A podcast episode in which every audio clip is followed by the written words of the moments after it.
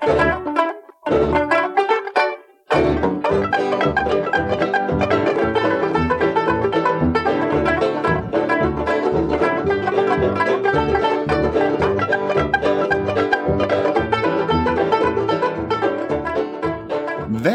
tillbaka till Designpodden igen. Yeah! Ja, nu är det en, ett nytt avsnitt. Mm, och det blir avsnitt fem va? ett, eh, avsnitt fem av tredje säsongen. Och, Snabbt det går. Ja, det går jättefort. Eh, vi matar på här vecka efter vecka. Varje torsdag som vanligt. Och eh, eh, jag tänkte jag skulle köra ett litet citat då när vi ska börja den här eh, Mm. säsongen. Jag tänkte citera eh, det eminenta bandet eh, Torssons. Va? eh, Ja, Torssons från Klippan som de hette när jag var liten. Är det, Eh, är det i Småland? Eh, nej, det är neråt, små, eh, neråt. De är egentligen från Jönköping. Men, Ja, de, men är- men Klippan är, det är nere i, i Skåne. Aha, Em, okej. Men de är, ja. I, alla fall, dig jag kör ett eh, citat okej, för jag tycker det passar lite på kvällens ämne. Do your thing. Och det är, I denna usla värld där finns ett paradis där medborgarna hygger sig med pölse och med is. Där kronan har ett värde och solen lyser skönt. På andra sidan sunden växer gräset alltid grönt. Det händer att vi for till vårt grannland ibland och åt ett smörrebröd och tog en liten tår på tand. De hade wienerbröd och en flag- flagga röd och vit och tusen varianter utav kummin akvavit. Vi ska till Danmark. Vadå kummin akvavit? Ja, det är kummin i, i eh, Men det finns... av... Ja, okej, vad Ja, det äckligt. finns, ja, för att grejen är oavsett att vi, vi ska ner till Danmark. Mm, ja, jo, det framgick tycker jag. Ja, både idag och nästa vecka. I ett dubbelavsnitt. Dubbel, Mm. Dubbeltrubbel. Eh, och vem ska vi prata om? Kan inte du säga det sådär danskt och äckligt? Nej, men jag vet inte hur det uttalas. Inte heller. Börje Mogensen. Ja, vi säger det. Börje Mogensen. Ja, det är Börje Mogensen. Som vi säger på småländska. um, Mogensen, det kändes som att när vi började då, ehm, kika lite på honom och vad vi skulle prata om. Mm. Då kom vi fram ganska så direkt va, till att det behövde bli ett dubbelavsnitt. Ja, men de här stora danskarna kräver ju det, va? Ja, när det är både just det, det intressanta personer som, det här, som har gjort mycket i sitt liv och sen så är väldigt mycket saker. Så att eh, det blir ett dubbelavsnitt. Det blir det. Eh, Det här är del 1.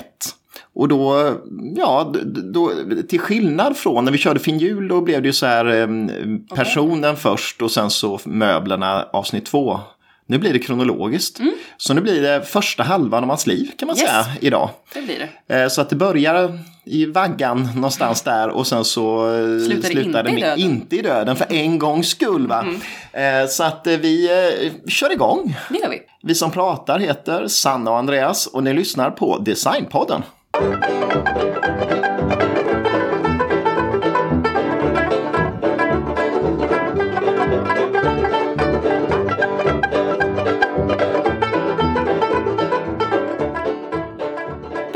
Mm. föddes då den 13 april 1914 i Ålborg i norra Danmark. Mm. Familjen bestod av mamma Else, som var hemmafru, och pappa Nils som var kakeltillverkare faktiskt. Jaha. Och han såg alltid till att det fanns precis tillräckligt med pengar för att de skulle klara sig. Okej, på, på gränsen. Börje hade en storebror, Harald, och en lilla syster som hette Agnete. Och de bodde i en lägenhet i Västerbro i centrala Ålborg där mamma Else tog hand om allting. Ja, hon var ju då hemmafru. Det är ju så det funkar. Börje ogillade skolan. Nej. Jo, det är inte ovanligt att de, de gör det. Alla De vi pratar om. eh, Och han ogillar all den här läsningen som krävdes. Det var inte riktigt hans grej. Han ogillade också att gå till kyrkan som hans mamma tvingade alla barnen att göra flera gånger i veckan faktiskt. Ja, Så det, var- det var inte kul. Nej. Han. Något han dock gillade, det var att arbeta med händerna. Inte heller så ovanligt. nej, Och i synnerhet trä. Hans mål var att bli snickare från början. Och 1930 när han var 16 år så blev han lärling hos en lokal snickare i stan. Och där fick han en månadslön på mellan 30 till 40 danska kronor. Tycker det var bra. nej. Du lät liksom imponerad Ja. En av hans dagliga arbeten där i alla fall bestod i att göra kistor Oj. till begravningen. Kistor till begravning. Ja, det var ju Ja. inte så upplyftande jobb Nej, kanske. ja, Fast ändå. Det är ju inte någon i. Nej, det är klart. Det hade varit värre om det hade varit... Nej, Eller, moving on. ja, Men han tyckte inte att eh, han fick några större utmaningar där. Men han lärde sig ju grunderna. Och det ska man ju uppenbarligen också göra. alltså fyra kanter och ett lock och en Ja, botten. han gjorde inte bara det, men ja, ja. Nej. Han stannade där i fyra år i alla fall. Och efter det så flyttade han till Köpenhamn där han ville utvecklas ordentligt. Och där började han intressera sig för just möbeltillverkning. Ja. I Köpenhamn sökte han till, grejen är att jag säger de här skolorna på engelska som de stod i boken. Ja, den här boken kan vi också ta upp förresten. Det kan vi ju nämna nu ja. Den heter ju då bara Börje Mogensen. Ja. Och är av, eller nej, den heter också Simplicity and Function. Mm.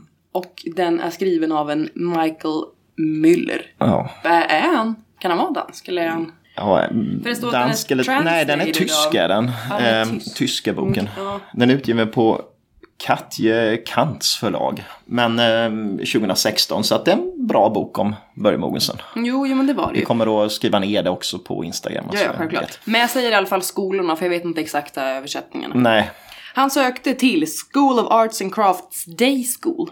Mm. Det är ju som det man kan tro att det är helt enkelt. ja. Där kom han in Mm. och studerade mellan 36 och 38. Mm. Skolan låg då i nyrenoverade Designmuseum, som är det idag alltså. Ja, Som tidigare var ett sjukhus. Men Kari Klint med flera var med och eh, renoverade upp det till skola helt Mm. Ja. enkelt. Och där har vi varit. Det var där har vi varit och mm, Karl Klint återigen då hur han återkommer. Always. Det kommer mer. ja. På skolan fick eleverna bland annat måla med vattenfärger och utföra vissa så uppgifter för att få gå vidare till möbeltillverkning. Aha, de skulle kvalificera sig. Mhm. Bland annat fick de måla tapetmönster var en av de här uppgifterna man var tvungen att klara. Ja. På skolan gick ju också, vem? Eh, Vem kan ha gått där? Gick eh, Wägner där? och- Yeah. Ja. Tur jag kunde. Eh, ja. De blev då livslånga vänner. Mm. Det tog vi upp i Wägner-avsnittet också. Trots då att deras design och inspiration var väldigt olika. Mm. Men det funkar ändå. Ja, På fritiden så jobbade Börje under en tid i Mogens...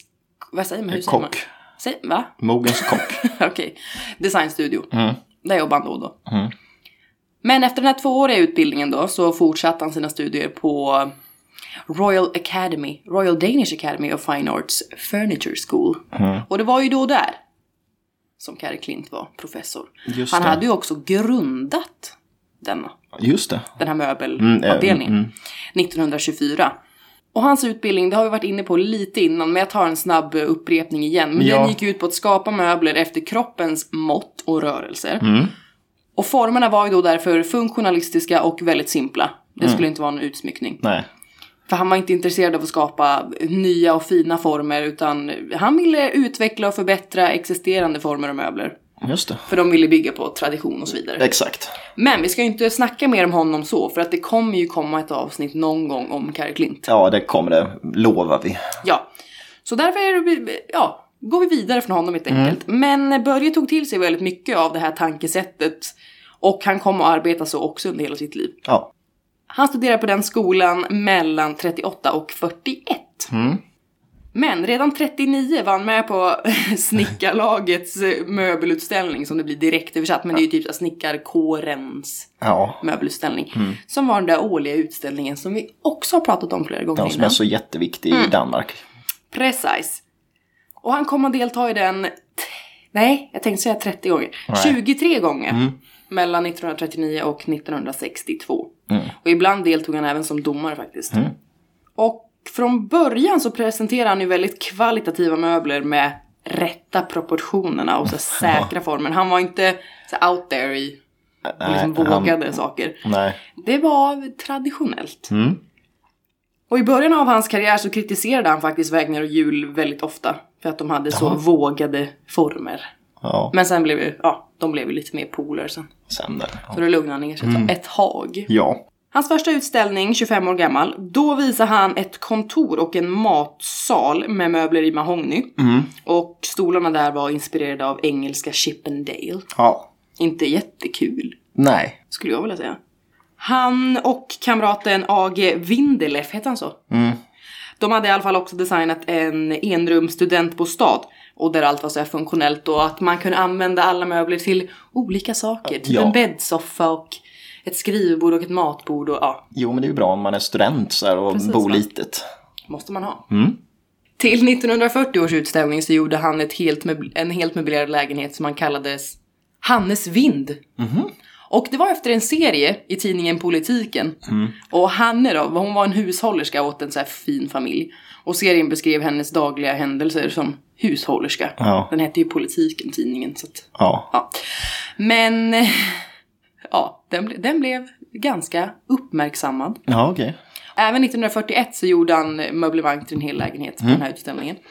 Men denna gång var det en tvårumslägenhet. Mm. Och då ville han visa att man kan möblera på ett luftigt sätt. Mm. Inte så här. Ja, Inte så kompakt som det var tidigare. Och 43, då hade det hänt någonting i Danmark. Ja. Ja, just det. Ockupationen eller? Ja!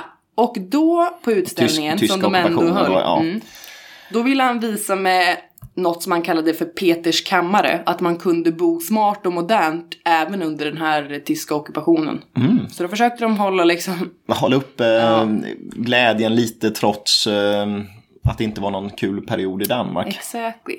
För från ockupationen som faktiskt hände redan 1940 Mm. och framåt så var danska formgivare tvungna att eh, jobba då med inhemska material då de inte fick tag i andra träslag. Nej, det är klart. Men det här var faktiskt otippat. Ja. Trots kriget så ökar faktiskt Danmarks export. Va? Ja! Jaha. Och efter kriget, då materialen flödade igen, då fortsatte många att skapa just med inhemskt trä för att de höll ju kostnaderna nere. Och Ja, så okej. kunde ju, ja, det var ju såklart bättre Ja, för smart. alla. Ja.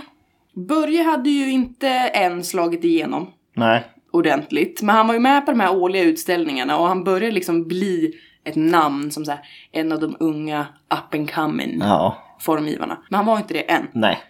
Hans mål var i alla fall att skapa möbler för den breda massan. Mm. Han ville att de skulle vara billiga, hållbara och funktionella. Ja. Obviously. Och också bekväma såklart. Jo, det är klart. Han skapade ju alltid för människan. Mm. Och han strävade inte efter att, så här, att de skulle vara fina eller att de skulle hamna på museum eller någonting. Han ville att man skulle använda hans möbler varje dag. Ja. Det var inte svårare än så. Nej. Men nu ska du väl komma in på när han faktiskt blev ett name liksom. Ja, lite så faktiskt. Det, det, det, Nej, hände inte det än? Jo, det, det gör det ju egentligen på ett sätt. Ehm, för att eh, på grund av just det där som, som du var inne på där, att, att eh, Mogensen han förespråkade just möbler för den breda massan och inte de här överdådiga möblerna som kollegorna som Wägner och Finjul och de här höll på med. Så han sökte sig ju lite till andra typer av företag. Och därför så kom det sig att han anställdes 1942 på FDBs möbelstudio. Och då var han 28 28 eh, år gammal bara.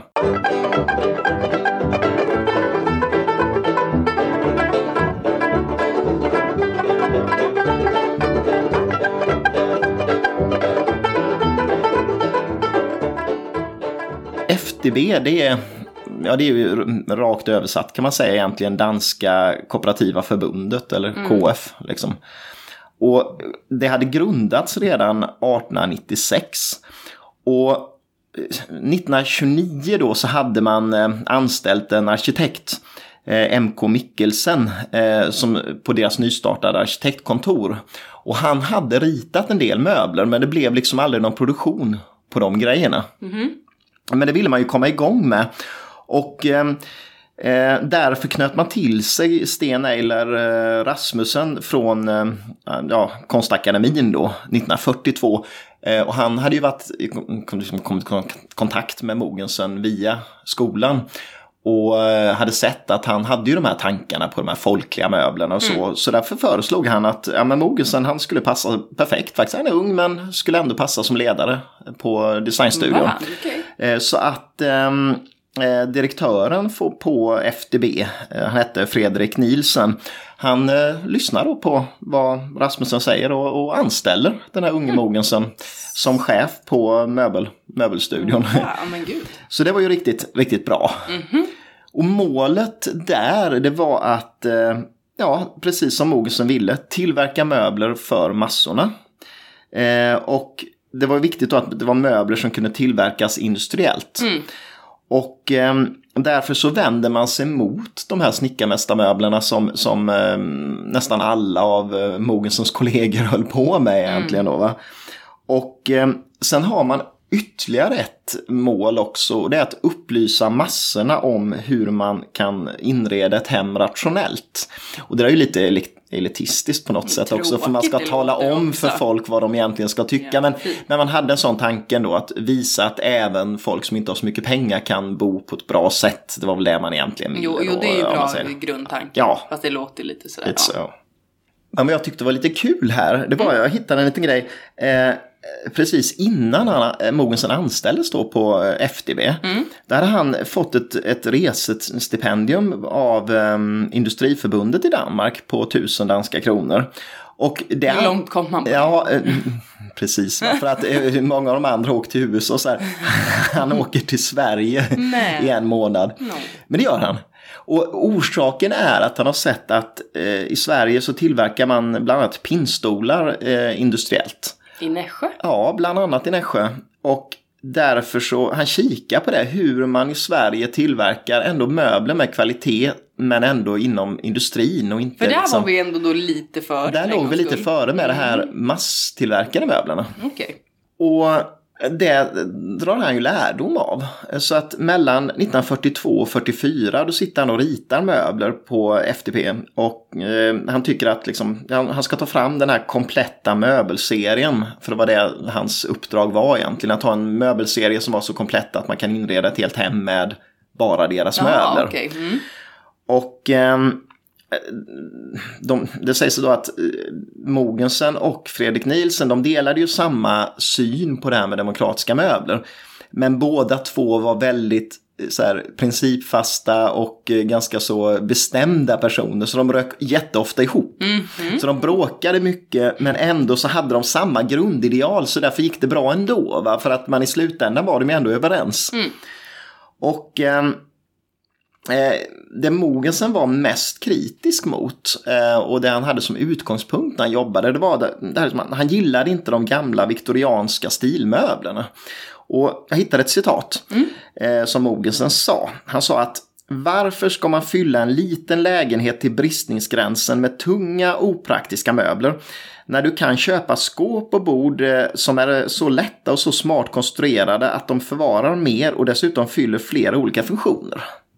Ja. Jag menar liksom att håll, håll, inte på med de här tunga ekskåpen liksom, utan eh, jag har en lösning. Och eh, det var just det där, för, för, för, att för honom stod liksom möblerna i centrum, eller liksom förr snarare, stod möblerna i centrum. Men Mogensen ville sätta människan helt i centrum. Mm. Därför så var det viktigt med liksom lätta möbler med rena former som kunde industriproduceras billigt. Och inte så mycket de här liksom snurrelikrokarna på benen. Det har inte så stor betydelse egentligen. Och därför i mars 1944 då kunde FDB eh, efter liksom fruktansvärt mycket slit och mogelsen här eh, presentera en, eh, hela möbelserien. Så att då, då, då, var han klar med sin första del av, av uppdraget. Premiärvisningen den skedde på en nyöppnad möbelaffär på eh, Fredrik Borgsgade i Köpenhamn som FDB hade då. Och eh, där var det lite så att, att liksom köparna skulle kunna mixa möblerna själv lite hur de ville. Det var inte så liksom att möbelbutiken hade ett klart liksom, matgrupp som mm, ofta var det så innan att man hade en mm. gustaviansk stil liksom, med både skåp. Att man skulle välja lite som man tyckte där. Mm, Tanken var också att man inte skulle behöva köpa allt på en gång. För det hade man ju behövt göra mycket tidigare. Utan man skulle kunna köpa ett par stolar så kunde man när man hade råd eller liksom när familjen blev större så kunde man komplettera med två stolar till och så vidare. Och det var det som var lite den där grundtanken. Och sen det att man också skulle utbilda massorna i, i det här i stil och smak då och inredning. Mm. Det gjorde man genom att man ställde upp modellmiljöer. Där man, ja, där man visade hur, hur möblerna kan användas i praktiken också. Så att man kom med idéer. Och eh, till att börja med så hade man en typisk stadslägenhet och en eh, mer lantlig här, villa mm. miljö då i butiken eh, i Köpenhamn. Och det liksom, man ville verkligen inspirera folk till att inreda rationellt då och att köpa deras möbler förstås då istället. Och kvaliteten på de möblerna som presenterades där eh, går ju förstås inte att jämföra med snickarmästarmöblerna. Men ändå så var det god kvalitet i förhållande till att det faktiskt var industriellt producerade mm. möbler. Och eh, Mogelsen hade fått igenom precis det där att funktion och multifunktion var viktigt i, i alla möblerna. Exakt. En matstol skulle också gå att ha som en liten fåtölj eh, genom att den hade hög rygg eller armstöd eller så. Och soffa på dagen, säng på natten. Och en sak som var viktig var också att borden de skulle ha utdragsskivor eller så skulle det vara ett slagbord som man skulle kunna ha till fest men också dra ihop lite till vardags. Eh, också som du var inne på innan där att, att eh, rakt igenom i den här kollektionen så då fortsatte man att använda eh, inhemska träslag. Mm. Och det gjorde ju att, att det blev det blev eh, Billigt. billigare ska man säga kanske ja, i alla fall. Ehm, och det, det, material som användes nästan uteslutande var eh, björk yes. eh, och det var syrabehandlad och sen oljad. Och då blev det ändå ganska motståndskraftigt trots att det var ett inte jättehårt träslag. Men då var ju första steget klart där. Det var ju att möblerna fanns och ja, en butik fanns. Men det gäller ju att nå ut till folk nu också så att då drog eh, man igång en stor marknadskampanj. Och bland annat ja, tryckte man kataloger. Och eh, det fanns ju mycket folk för eh, FDB då som kooperativa förbundet, de hade 400 000 medlemmar och eh, cirka 200 småbutiker eh, runt om i Danmark. Och i de här butikerna då fanns de här katalogerna så kunde man eh, kika på vilka möbler som eh, företaget började erbjuda. Och samtidigt öppnade man möbelvaruhus i Odense, eh, Kolding, Esbjerg, Ålborg och Århus. Så att det var på liksom man skulle kunna ha, inte, det skulle inte vara för långt att åka till, att, till ett sånt möbelvaruhus och köpa sina möbler. Som Ikea? Ja, typ faktiskt. Det är ju någon form av dansk Ikea, fast lite dyrare. Och sen presenterar man också en 27 minuter lång eh, spelfilm, eller en film då. Lång då? Ja, den hette A Bright and Happy Future. Oj, oj. Ehm, så det var, men och den visade då ett, ett ungt par, nygift, som skulle sätta bo. Och de hade skaffat sig sin första lägenhet. Och först då gick de och kollade på tunga och mörka möbler. och sen visade, eh, sen gick de in då på FDB och så var det en arkitekt där som visade dem då hur oj, praktiskt oj, oj. och bra det var med de här nya möblerna. Och då är de sold? Ja. Det såg ju bra ut men i praktiken så var det svårt för att mm. folk gillade inte det här konceptet. För de, de tyckte att Nej, men de, de, de tyckte bättre om de där gamla viktorianska möblerna ändå. Va? Och grejen var att det blev ju ändå det blev ju inte billigt ändå med de möblerna som Mogensen tog fram. Och det var ungefär samma pris som man säger och då var det många som tyckte att ja, men om jag kan få en matgrupp med jättearbetad så här, sirlig dekor mm. för samma pris som de här raka enkla möblerna då vill jag inte gå och köpa dem. Agreed. Så att därför så, det var jättesvårt i början. Och därför så um, lanserar 1948 då så lanserar FDB ett bosättningslån tillsammans med Andelsbanken i Danmark. Och tanken där var att man skulle få, det skulle vara mycket lättare att ta ett lån när man skaffade sig en lägenhet. Mm. Mogensen däremot, han gillade inte det där alls. Nej. Nej, men han tyckte att man skulle inte lära unga människor att skuldsätta sig. Nej. Och det, det, var emot hans där grundidealet att du, du köper möbler när du har råd och kompletterar. Han jo, tyckte det var bättre. Han behöver inte uppfostra alla människor? Nej, och dessutom var det ju så att det var lite han som var problemet. För han ställde ju väldigt höga krav på kvaliteten. Mm. Eh, och det innebar att det gick inte att tillverka möblerna helt industriellt. Utan vissa delar, bland annat sammanfogning och sånt var tvungen att göras eh, hantverksmässigt. Och då blev det ganska dyrt och man har ju inte råd att köpa möbler eh, för jättestora pengar kanske när man är ung och har något första jobbet och så. Icke. Så att ja, det där lånet blev ju av i alla fall. Och under 40-talet sen så fortsätter Mogensen att utöka sortimentet. Och ehm, det gick ju inte att rita allting helt själv liksom för att skulle ha så här komplett, det var alla delar av ett hem och hela tiden komma med nyheter. Så att eh, de blandade ju in andra stora namn också och det var ju bland annat Hans J. Wegner som vi pratade om innan. Nu sa du Wegner. Ja, Wegner. Eh, men han är ju inblandad här faktiskt mm. på FDB också. Eh, så att han ritar gungstolen J16 som jag tror nästan alla har sett den här gungstolen eh, som är en pinnstol med korta medar som har tillverkats av flera olika firmor men från början var det Kooperativa förbundet då som eh, lanserade den. Och eh, han ritar också barnstolen Peters stol. Ja. Eh, som ehm, eh, var till, till liksom, eh, ja det var ju en dopgåva egentligen till, eh, till Mogensens eh, ena son där. Men, men eh, den kommer i produktion här under den här perioden också. Så att det är ju andra också som är inblandade.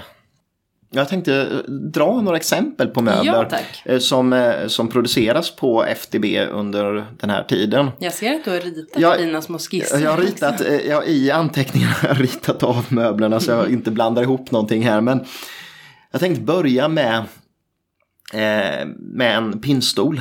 Eh, Windsorstolen J52 som kom 1944. Så en av de första möblerna som kommer där. Inspirerad av Sverige. Ja, det är den faktiskt. Eh, Sverige och de engelska pinnstolarna då. Och det är en moderniserad variant av pinnstolen. Eh, men den pinnstol som är mest lik de här gamla 1800-tals pinnstolarna. Och den, man säger det, det Mogensen gjorde är att han såg till att den hade en lite extra hög rygg så att den blev lite bekvämare.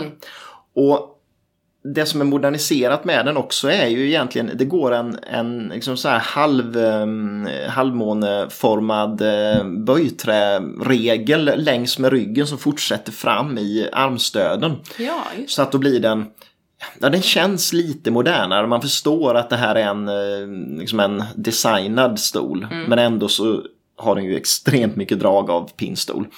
Och eh, den var helt i björk. Och de pinnstolarna, vi drar lite priser parallellt Mm, här tycker jag.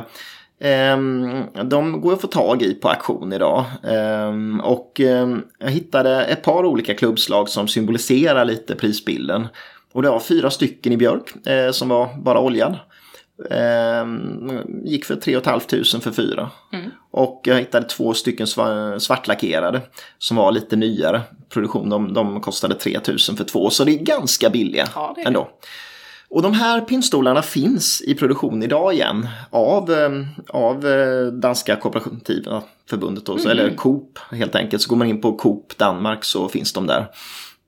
Och där, är- alltså de kostar eh, medlemspriset. Är man medlem där så kostar de 4 000 och annars kostar de 4 och 7. Så att, eh, ja inte jättedyra men det är ju inte jättebilliga heller om man säger Inte för det. en är det ju Nej. dyrt. ja. Alltså det är ju ändå en pinnstol. Ja, Så jag skulle säga dyrt nästan. Ja, ja, relativt. Sen finns det en, en annan pinnstol som, eh, som Mogensen gjorde också. Och det var J4 och den kom samma år, 1944.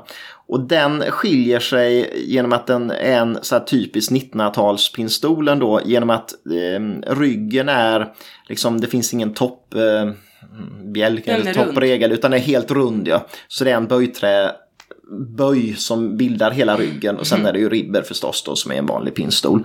Och det, det, det ser man ju många svenska pinnstolar också ifrån 1900-talet. Jag tror Edsbyverken och Nässjö och alla de här har tillverkat liknande varianter. Alla bra. Och eh, den fanns också med armstöd eh, som tillval då. Och eh, de, ja, de är ännu billigare på auktion faktiskt. Eh, jag hittade två stycken i bok som hade gått för 1500 och fyra stycken svartlackerade som hade gått för 2 500 så det är ju jätteprisvärt. Och de finns inte i nyproduktion så att eh, ja, vill man ha dem får man köpa begagnade. Men det- som kommer under FDB-tiden för Mogensen, det är hans kanske mest folkkära stol i Danmark. Och den stol som liksom visar ordentligt Mogensens eget formspråk. Och det är J39, den stol som i Danmark kallas folkstolen. Och den bygger inte helt förvånande vidare då på en stol av Kare Klint. Oho. Eh, Kare Klint hade ritat något som hette Kyrkstolen 1936. Och den hade inspirerats av shaker-möblerna. Och jag tänkte dra lite en snabb para, eh, liksom en parentes om vad shaker är. Ja, tack, Eh, för att vi har gjort det någon gång innan men det är inte säkert man har hört det. Liksom, Nej, nej men säg. Eh, För, för ofta säger man ju så här, ja, det är en shaker-stil på den eller så. Men vad är shaker? Och det är, alltså från början, det är en protestantisk frikyrkorörelse som uppstod i Eng- England på 1700-talet. Och de kallades shaker eftersom de skakade när de bad. Det var liksom nästan så att det måste vara som tungomål. Liksom. Ja, ja. Nej. Och 1774 så utvandrade de till USA. Förmodligen då att det var svårt med religionsfriheten i England. Och eh, det som kännetecknade den här ja, sekten egentligen som det var, va, det var ju att de var duktiga hantverkare. Och de var ovanligt tidiga med maskiner. De använde cirkelsåg och svarv på 1800-talet innan det började bli så allmänt att man gör det. Och de, eh, de levde bland annat på det där att de sålde sina möbler som de tillverkade. Och möblerna var typ funkis alla 1800-tal. Liksom, för att det, de, det är mycket de här funkisidealen. Inga krusiduller trots att det är 1800-talsmöbler. Och ofta var det en tvärslå mellan benen, vilka, vilket liksom eh, kännetecknar de här eh, shakermöblerna man ser idag. Då. Och en annan mm, typ av möbel som de hade det var gungstol med korta medar och den påminner, de, de gjorde påminner extremt mycket om Wägners den gungstolen. Så att det, han har ju verkligen kikat på deras möbler. Men åter till den här folkstolen. För att Ja, Mogensen hade ju kikat då på Kalle Klints stol, men han förenklade den ännu mer. Och eh, han, alltså på den här kyrkstolen så finns det flera ribbor i ryggen. Men Mogensen har bara en ryggbricka längst upp. Ganska bred. Ganska bred med pluggar. Och det är så typ sen också för ja, Öresundsmöblerna till exempel av, av eh, Mogensen. Det kommer vi till. Ja, det kommer vi till. Det här är lite svängt ryggstödet för att det ska vara bekvämt att sitta, Mhm. sitta mot då. Och stolen ursprungligen var eh, i björk med sits i flätat papperssnöre. Papperssnöre. Ja, det är det här snöret som är ja, som, som papper helt enkelt. Men vad är det gjort då? Papper. ja, men det är flera faktiskt av Wägners möbler också som är i papper. Eller snö, papperssnöre. Ja, ja. Eh, den, den kom senare i ek också då, eh, den här eh, folkstolen. Och till stolen så ritade Mogensen också ett shakerbord som han gav namn då C18. Och det var benställningen var som upp och nervända eh, T. Och auktionspriserna för folkstolen, då, då är det lite mer ändå. va? För att fyra stycken hittade jag för 6 000 och sex stycken för 14 000. Så att de, de, ja, de kan dra iväg lite Ja. i och med att de är verkligen jättepopulära, i, särskilt i Danmark. Där jättemånga känner igen de här stolarna. Och de finns i nyproduktion. Och där är det ju då inte Coop som tillverkar dem då, utan det är Fredricia Furniture som tillverkar ja, dem. de, ja Mm. det gör de ju mycket Ja, annat. mm. Och i lackad bok så kostar de 4 500. Inte mycket mer än vad de här eh, pinnstolarna kostar ju. Men eh, sen finns det ju, den här lackade boken är ju det billigaste utförandet. Dyrast är de i rökt ek och då kostar de 7 500 styck. Och då blir det ju dyrt om man ska ha fyra eller sex eller åtta stycken då. Precis. Eh, 1950 släppte FDB en 60 sidor lång katalog då med Mogensens möbler. Oj, Och eh, det innebar väl egentligen att då, då hade man verkligen förverkligat den här Fredrik Nielsens vision om en hel, liksom ett hel, en hel ko- kollektion med möbler. Nu fanns ju allting verkligen. Det fanns förvaringsmöbler och eh, allt. Ehm, men fortfarande så hade man inte eh, nått genombrottet när det gällde liksom att nå ut till den breda massan. Och viss mån, liksom, ja, man, man man nådde ut till eh, en, medel, ja, liksom en högre medelklass och de här in- designintresserade, högutbildade människorna. Men annars var man väl lite för tidiga med den här minimalistiska formgivningen. Och Mogensen var väldigt missnöjd med det. Han tyckte att nu har jag gjort mitt, va? men nu har inte ni gjort ert. Ni har inte liksom... vadå allmänheten? Nej, men eh, FDB då som Ja, företag, ja. att ni har inte lyckats som nå ut till, till massorna Mm. med mina möbler. Och samtidigt då 1950 så gick Fredrik Nielsen i pension. Och en ny direktör kommer, Ebbe Gross. Och han och Mogensen kommer inte överens. Mm. Där verkar det inte klicka när det gäller liksom grundfilosofi och eh, hur man ska jobba. Så att Mogensen reser sig upp på ett möte de har och går därifrån och kommer aldrig tillbaka. Så att han var, han var principfast och väldigt eh, bestämd av sig om man säger Mogensen. Det har man ju drömt om många gånger. Ja, och Bara, bara, liksom upp och bara... aldrig komma tillbaka. Och det var i, vad blir det, åtta år han var verksam där Oj. på, mm, på eh, kooperativa. Och det var ju en jätteviktig period för Mogensen givetvis för att när han var så ung så fick han ändå möjlighet att rita och experimentera jätte- jättemycket.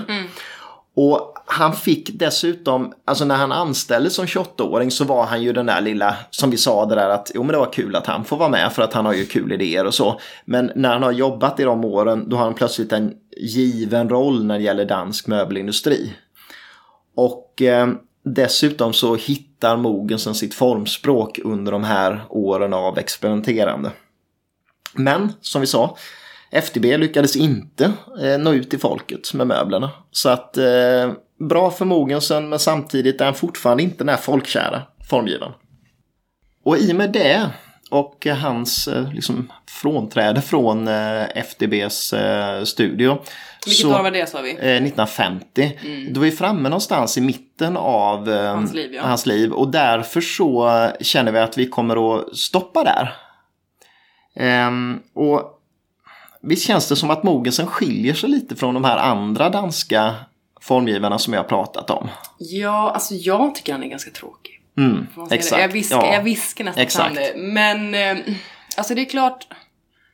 Det är ju rationellt och liksom bra tankar. Men det är ju inte så spännande. Nej, det är inte Det gör wow. inte att man blir exalterad. Nej, man, man eh, tappar inte hakan när man ser en, eh, liksom en, en eh, sån där folk, nej, nej, folksol. Nej.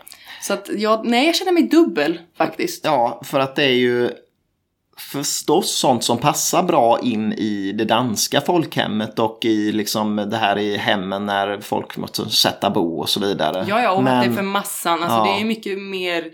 Det exkluderar ju inte så mycket som de andra gör. Nej. Och det gillar man ju. Ja. Men ändå så... Men det är Nej, jag inte, tycker att det är det är inte så att man Nej, precis. Man, man blir inte häp, man, man häpnar inte över Nej, formerna. snarare gäspar liksom. Ja, och jag tänkte jag skulle komma in lite som avslutning på det här hur Mogensen såg på sin egen formgivning och sitt eget formspråk lite utifrån det där. Att man Mm. Ja, faktiskt inte häpnar över hans grejer. ja, gör det.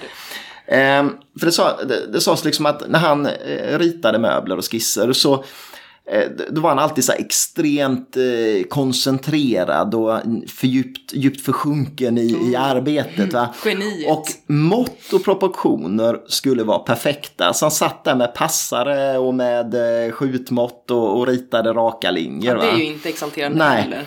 Och han jobbade nästan uteslutande i trä och föredrog ek på grund av hårdheten i materialet då. Men sen fick han inte jobba i ek i början där så mycket för att det var för dyrt. Men eh, han tyckte det var bäst. va. Ehm, och han hade i i grunden ingenting emot de, de nya materialen eller det här liksom eh, fiberglas eller eh, stål. Va? Men grejen var att han, han kände sig, som han själv sa då, inte färdig med träet. Han blev aldrig färdig med det för han såg hela tiden nya sätt att utveckla träet på. Eh, och han liksom som jag sa, han- han älskade träets yta. Det var någon som, hade, som kände honom som hade sagt att han kunde sitta en timme och bara känna på benet på en stol bara för han var så fascinerad över hur yt- ytan kändes mot huden. Så att det är klart, man förstår att han, han gillade trä helt enkelt. Kanske var va? en liten fetisch. Ja, jo men det känns så. Och vad han också var emot, det var experimenterande. Mm, Såklart, han var ju traditionell. Ja, han gillar inte experiment. och han sa liksom att funktionen är alltid grunden. Och liksom det gör att, att liksom, ehm, för jag tror att det var han och, var han och eh, Wägner som, eh, de hade någon argumentation någon gång i någon tidningsartikel där de menade på, där Wägner menade att Jo men det är kul ibland att bara släppa ett experiment bara för att ja, man kan inte låta bli så här. Och då sa Mogen som bara torrt att Ja, men det är klart det är bara resultatet som räknas ändå och säljer det inte så ska man inte hålla på med det. Och, liksom, och då sa han också i samband med det att det som upplevs som lite tråkigt är det som lever längst. Och det var nog hans grundfilosofi. Han hade inget emot att uppleva som tråkig. Nej, men har han inte lite rätt i det? då? Jo, jag tror det. Och det, ännu mer när man kommer till vidare, alltså fortsatt i hans argumentation där. liksom i, i, i samband med att folk har kritiserat hans möbler för att vara liksom så här opretentiösa och anonyma och, och ja, tråkiga. Så menade Mogensen att han gjorde möblerna, han höll tillbaka uttrycket för att ge uttryck till ägarens eget, eh, ägarens eget uttryck och liksom den som äger husets egen eh, liksom, personlighet istället. Mm. Och det är också ett sätt att sätta människan mer i centrum än möblerna. Ehm, och tanken var väl helt enkelt att du ska kunna köpa Mogelsens möbler och sen så kan ändå hemmet se hur olika ut som helst. Va? Jo men det kan det väl med alla möbler? Fast det var svårare då om du sätter in liksom en pelikanfåtölj av um, av finhjul. Då blir det så här Ja, du kan inte, alltså det blir ändå ett hem som, du kan inte göra ett anonymt hem då liksom om du trivs med det. Nej, men då skulle man inte köpa den. Nej, det ska du inte. Men han ville göra möbler som, möbeln ska bara vara någonstans, någonting att sitta på. Mm. Stolen är något att sitta på och sen ska du själv anstränga dig för att... Det tycker jag låter Ikea. Ja, jag blir ja, men, inte exalterad. Nej, men jag tror det var det som var hans tanke. Jag vill gäspa mm. faktiskt. Mm. Nu mm. vill jag det. Och, men, men, men det medförde ju en sak ganska mm. långtgående. Det var att att Mogelsen blev aldrig stor utomlands under Nej. sin liksom, samtid. Eh, utan eh, jag menar många av hans kollegor blev ju jättestora i USA till exempel. Det var ju både Arne Jacobsson och Finn Hjul. De blev jätteuppmärksammade.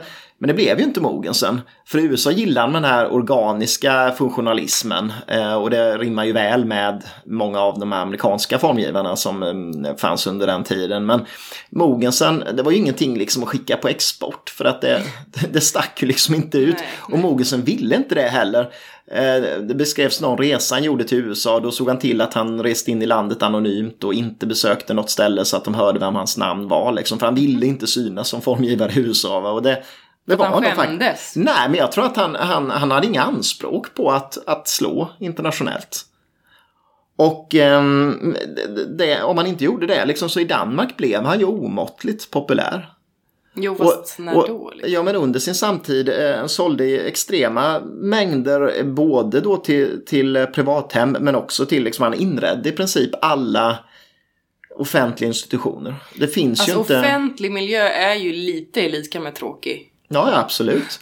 Men det var ändå på något sätt, det är ju någonting med hans formspråk som gör att han går hem. Ja, jag ska inte bara vara negativ. Vi har ju en fåtölj hemma av Börje Mogensen. Ja, absolut. Så jag ska inte vara sån. Nej. Men jämförelsevis med de andra danskarna som vi redan har pratat om. Mm. Så vill jag ju gäspa. Ja, jag men jag tror det är just det där. Han menar att, att eh, man kan tycka det är kul att köpa en, en uh, orange kudde till soffan. Men köper du en, en uh, brun eller svart kudde till soffan så kan du ha den i flera år. Det är, det är hans grundsyn på formgivning. Men det är ju ett tröttsamt sätt. Eller liksom, åh, det finns ju ingen glädje i det. Det är lite... Och det roliga är att jag lite... tror att han fann glädje i det. Just det där, ja men, ja. ja jag tappar livslusten, men... Vi har kommit fram till Börje Mogensen, liksom halvvägs av, av hans eh, karriär. Ja. Och um, där bryter vi för uh, den här gången. Mm. Men uh, återkom nästa vecka igen hoppas vi för att ni gör. för då, um, då fortsätter vi och då är vi framme 1950 där ungefär. Jag ska inte vara lika negativ. Nej, uh, men um, som vanligt så vill vi ju hemskt gärna att ni hör av er om ni har några idéer eller synpunkter. Ja. det kan man göra om man mejlar till designpodden gmail.com. Och sen vill vi flagga för vårt Instagram-konto också ja, som får ja. mer och mer följare hela tiden nu. Ja, det och det är kul. Så följ oss där och skicka meddelanden, går jättebra. Vi heter Designpodden. Mm. Och så går det också att följa oss på Instagram. Men Nej, på så... Facebook. Eller Facebook också. Eh, men det är ju ingen större idé för vi lägger inte ut nästan något där. Jag vet inte varför vi har Facebook. Nej, det är ju för man... Det känns som vi behövde ha så att det är typ avsnitten som läggs ut där också. Men, men för, Skit i det. Strunt samma. Men ähm, ja, hoppas ni lyssnar nästa vecka. Det gör vi. Ja, hej!